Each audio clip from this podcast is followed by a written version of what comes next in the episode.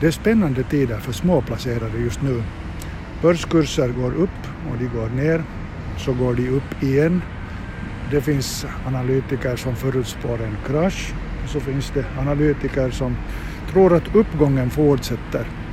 Och goda råd är just nu dyra, det vill säga information, oberoende information. Så jag tänkte det skulle vara dags med en diskussion med aktieplacerarna i Finland.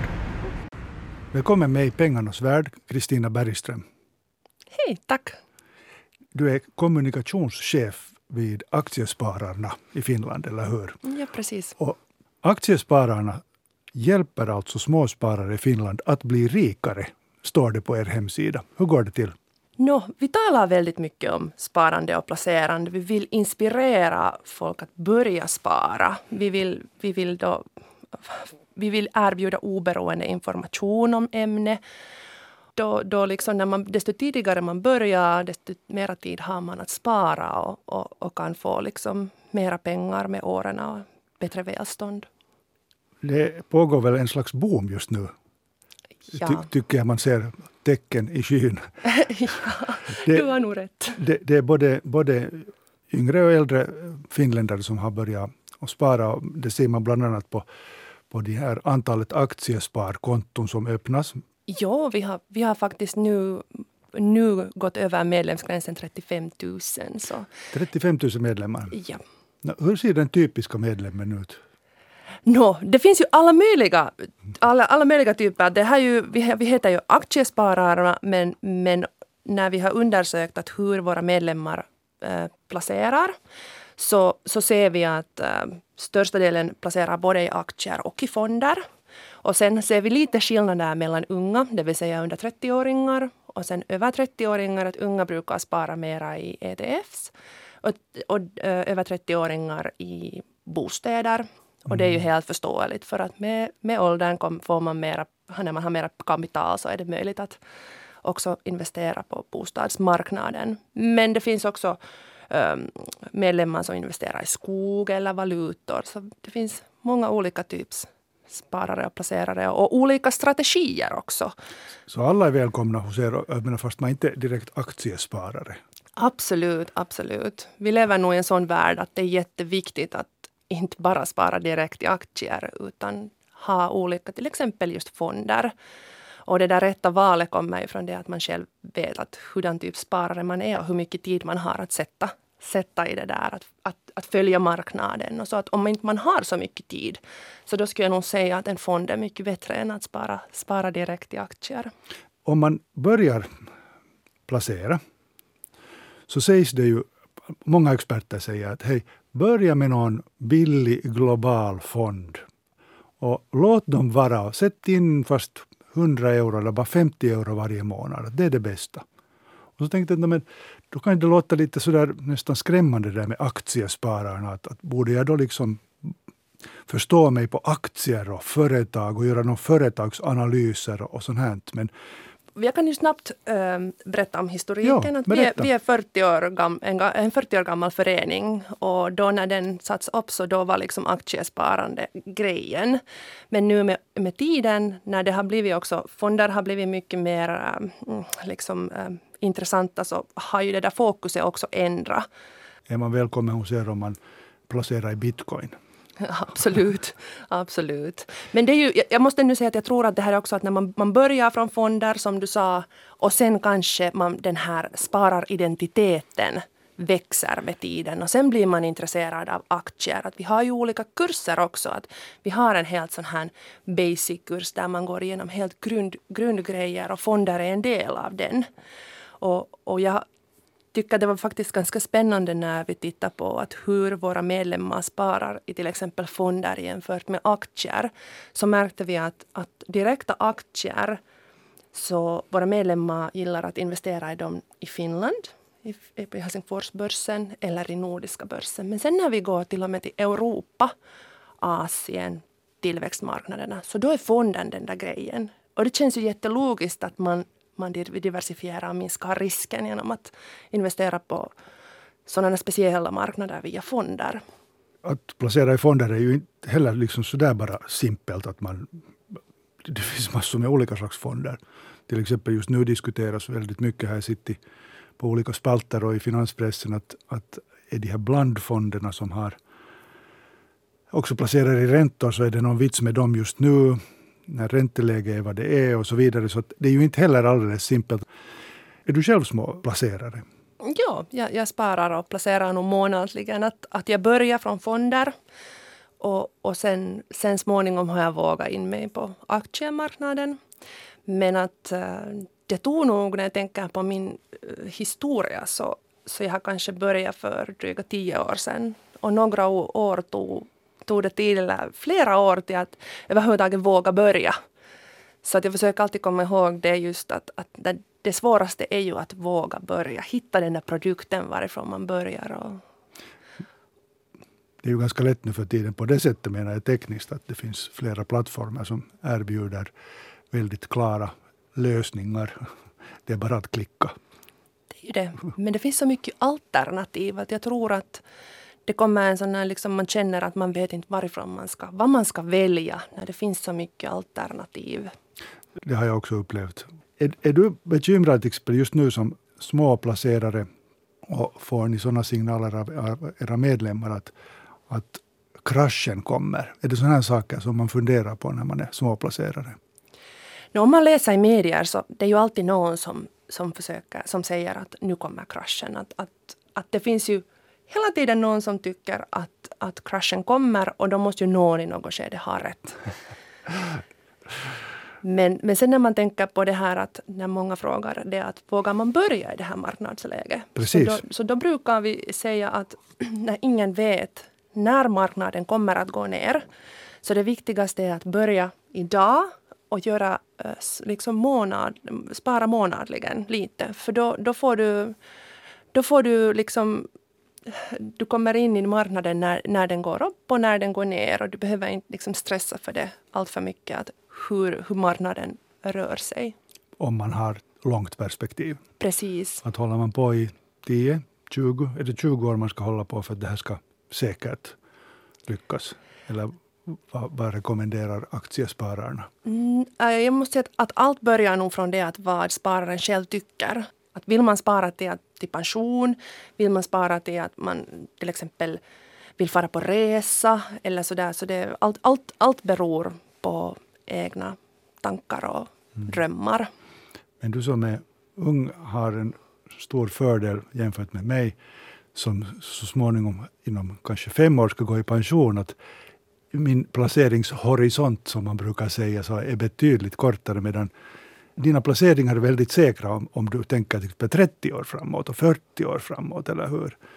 Ja, du har nog helt rätt i det. Att desto tidigare man börjar och desto längre man sparar så får man ju, får man ju en stor nytta med tiden. Om man bara kan låta dem ligga på, mm. på konto så att säga. Det är väldigt många som nog säger att, att, att man, man vill spara mera när man ser att den här månadliga summan börjar växa och ticka ränta och, och avkastning. Så att det, det är ganska lätt sen, sist och slutligen, att man vill hellre investera och placera mera än att ta ut, ut pengarna.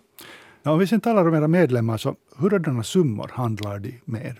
Det varierar nog jättemycket. Att vi har inte faktiskt ens, ens någon summa på det för att det, vi, har, vi talar om, vi talar om uh, nya, nya personer som börjar spara och sen har vi, har vi uh, medlemmar som har varit hela 40 åren medlem. Så det är nog väldigt stora variationer där. Är det mera män eller kvinnor? För tillfället är det nog lite mer män. Mm. Men att um, vi har sett nog att, att andelen kvinnor växer hela tiden. Och, och, det är ju överlag på marknaden när man tittar på sparande och placerande att, att kvinnornas andel är ju mycket mindre ännu. Men att den, den liksom växer hela tiden ändå. Era medlemmar får alltså kurser och information. Vad får de annat? De får alltså gratiskurser och en del, en del kurser för mycket billigare pris än marknaden. Eh, information och där, därtill får vi ha olika samarbetspartners så de får olika förmåner från till exempel banker eller analysföretag eller olika böcker och tidningar. Och därtill så alla våra medlemmar får gratis en sån här väldigt um, intressant tidning som Visas Raha som publiceras åtta gånger i året. Och när du blir medlem så kan du välja antingen att vill du ha tidningen hem per post eller vill du läsa den sen digitalt. Och den handlar jättemycket om, om just att spara och placera. Där finns just analyser om företag och kommentarer av, av specialister på sitt område. Och finns den på svenska? Den finns inte på svenska, men, men vi har från början av året eh, satt, eh, vi, har, vi har från början av året alltid en eh, svenskspråkig eh, kolumn inom något ämne och vi hoppas att vi ska kunna öka antalet sidor till lite fler. Svenska sidan. Precis. Nu har ni just en ny undersökning som ni har publicerat. Kan du berätta om den? Ja, eh, det var faktiskt en väldigt spännande undersökning. Den handlar om eh, börsbolag i Finland och deras rykte. Och det var faktiskt spännande. Vi fick över 7000 privatplacerare att svara på den här frågan, vilket, eller den här undersökningen, vilket liksom är otroligt stor mängd. Och det här betydde att vi fick resultat för 78 bolag, medelstora och stora, i Helsingfors börs. Och kanske det där mest intressanta resultatet var att um, när man tänker på ett börsbolags rykte, så om den ändras en enhet uppåt eller neråt så inverkar det på placerarens intresse en och en halv gång. Så det betyder att en liten ökning eller minskning i, i företagets rykte har en stor inverkan på hur en privatplacerare eller in, privatplacerarens intresse att investera i bolaget. Och det här är jätteintressant för bolagen själv men också jättebra för placerare att förstå hur stor inverkan ett eh, företagets rykte har. Vi sitter alltså nu i pengarnas värld och diskuterar med Kristina Bergström som jobbar för Aktiespararna i Finland. Och det här med rykte, alltså vilka saker påverkar då rykte? Där behandlades liksom bolagets ekonomiska situation, ledarskap, hurdana innovationer det finns, produkterna och tjänster och till exempel hållbarhet just relaterat till miljö, miljöfrågor. Ett eh, dåligt rykte påverkar med andra ord placerarnas intresse att placera, att köpa aktier, vilket i sin tur påverkar aktiekursen i, långa loppet. Mm. Eller desto, i, ja, desto bättre rykte man har, så desto mer eh, finns det intresse att, att investera. Och då, idén i den här undersökningen är också det att, att kunna visa varje företag att i vilka faktorer skulle du kunna göra lite ändringar? Var hoppas privatplacerare att du skulle kunna göra någonting bättre? Och med små ändringar i de här olika komponenterna så kan man inverka på den här mm, ryktesvitsordet ganska bra. Och det att man ökar sitt ryktesvitsord lite skulle ha en ganska stor effekt på intresse att in, investera i det företaget. Så det är inte bara så att säga kalla fakta och kall, sval matematik som påverkar placerarna. Eh, en analys av kassaflöde eller något sånt, utan det är, man kan väl säga psykologi. Precis. Det, det är faktiskt ganska stor del av, av investeringsbeslutet som, som beror på rykte. Överhuvudtaget brukar det sägas att psykologi har stor inverkan på börshandel där en, enskilda placerares men också placerarmassornas psykologi kan, kan leda till, till oväntade, oväntade rörelser på börsen. Hur tycker du själv att du som placerare påverkas av psykologiska faktorer? Att du helt enkelt gillar någon, något bolag och därför placerar pengar och inte tänker på liksom svalt att hur, hurdant resultat bolaget kommer att göra i framtiden. Vilket väl ändå borde vara grunden för ett placeringsbeslut. Mm.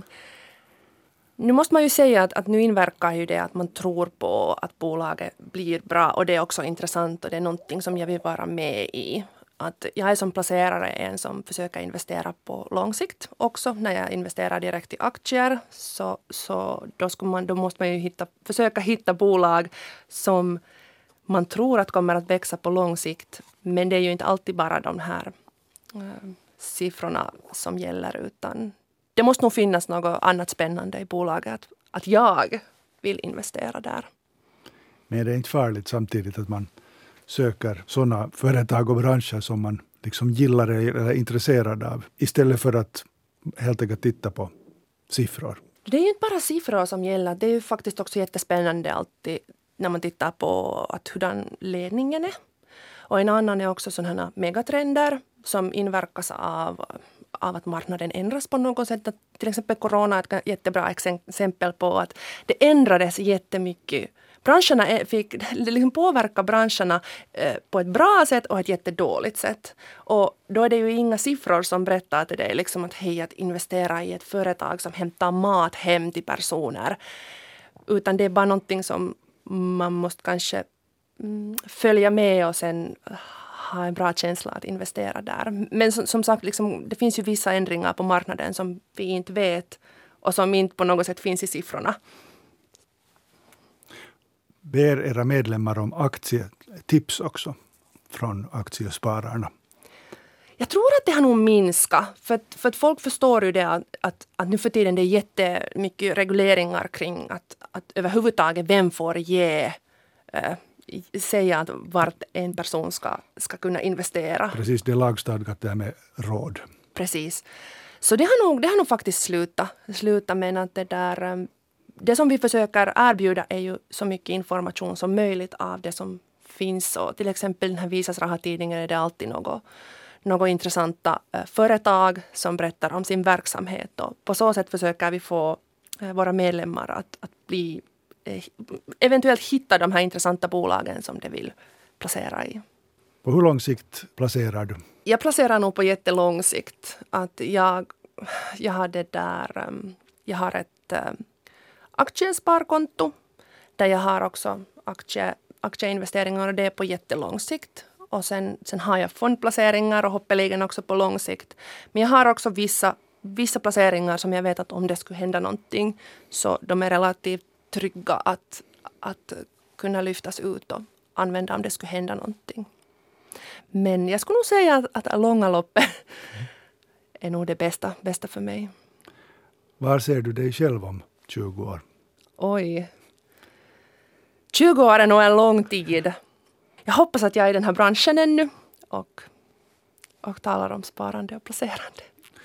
Tack Kristina Bergström för att du var med i Pengarnas värld. Tack att jag fick komma. Det var jättekul.